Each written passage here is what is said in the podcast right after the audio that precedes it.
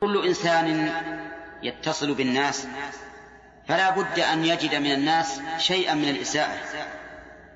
فموقفه من هذه الإساءة أن يعفو ويصفح وليعلم علم اليقين أنه بعفوه وصفحه ومجازاته بالحسنى سوف تنقلب العداوة بينه وبين أخيه إلى ولاية وصداقة.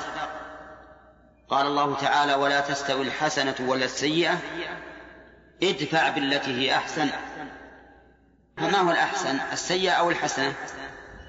الحسنة ادفع بالتي هي أحسن فإذا الذي بينك وبينه عداوة كأنه ولي حميم. وتأملوا أيها العارفون باللغة العربية. كيف جاءت النتيجة بإذا الفجائية؟ لأن إذا الفجائية تدل على الحدوث الفوري في نتيجتها. فإذا الذي بينك وبينه عداوة كأنه ولي حميم. ولكن هل كل أحد يوفق لذلك؟ لا.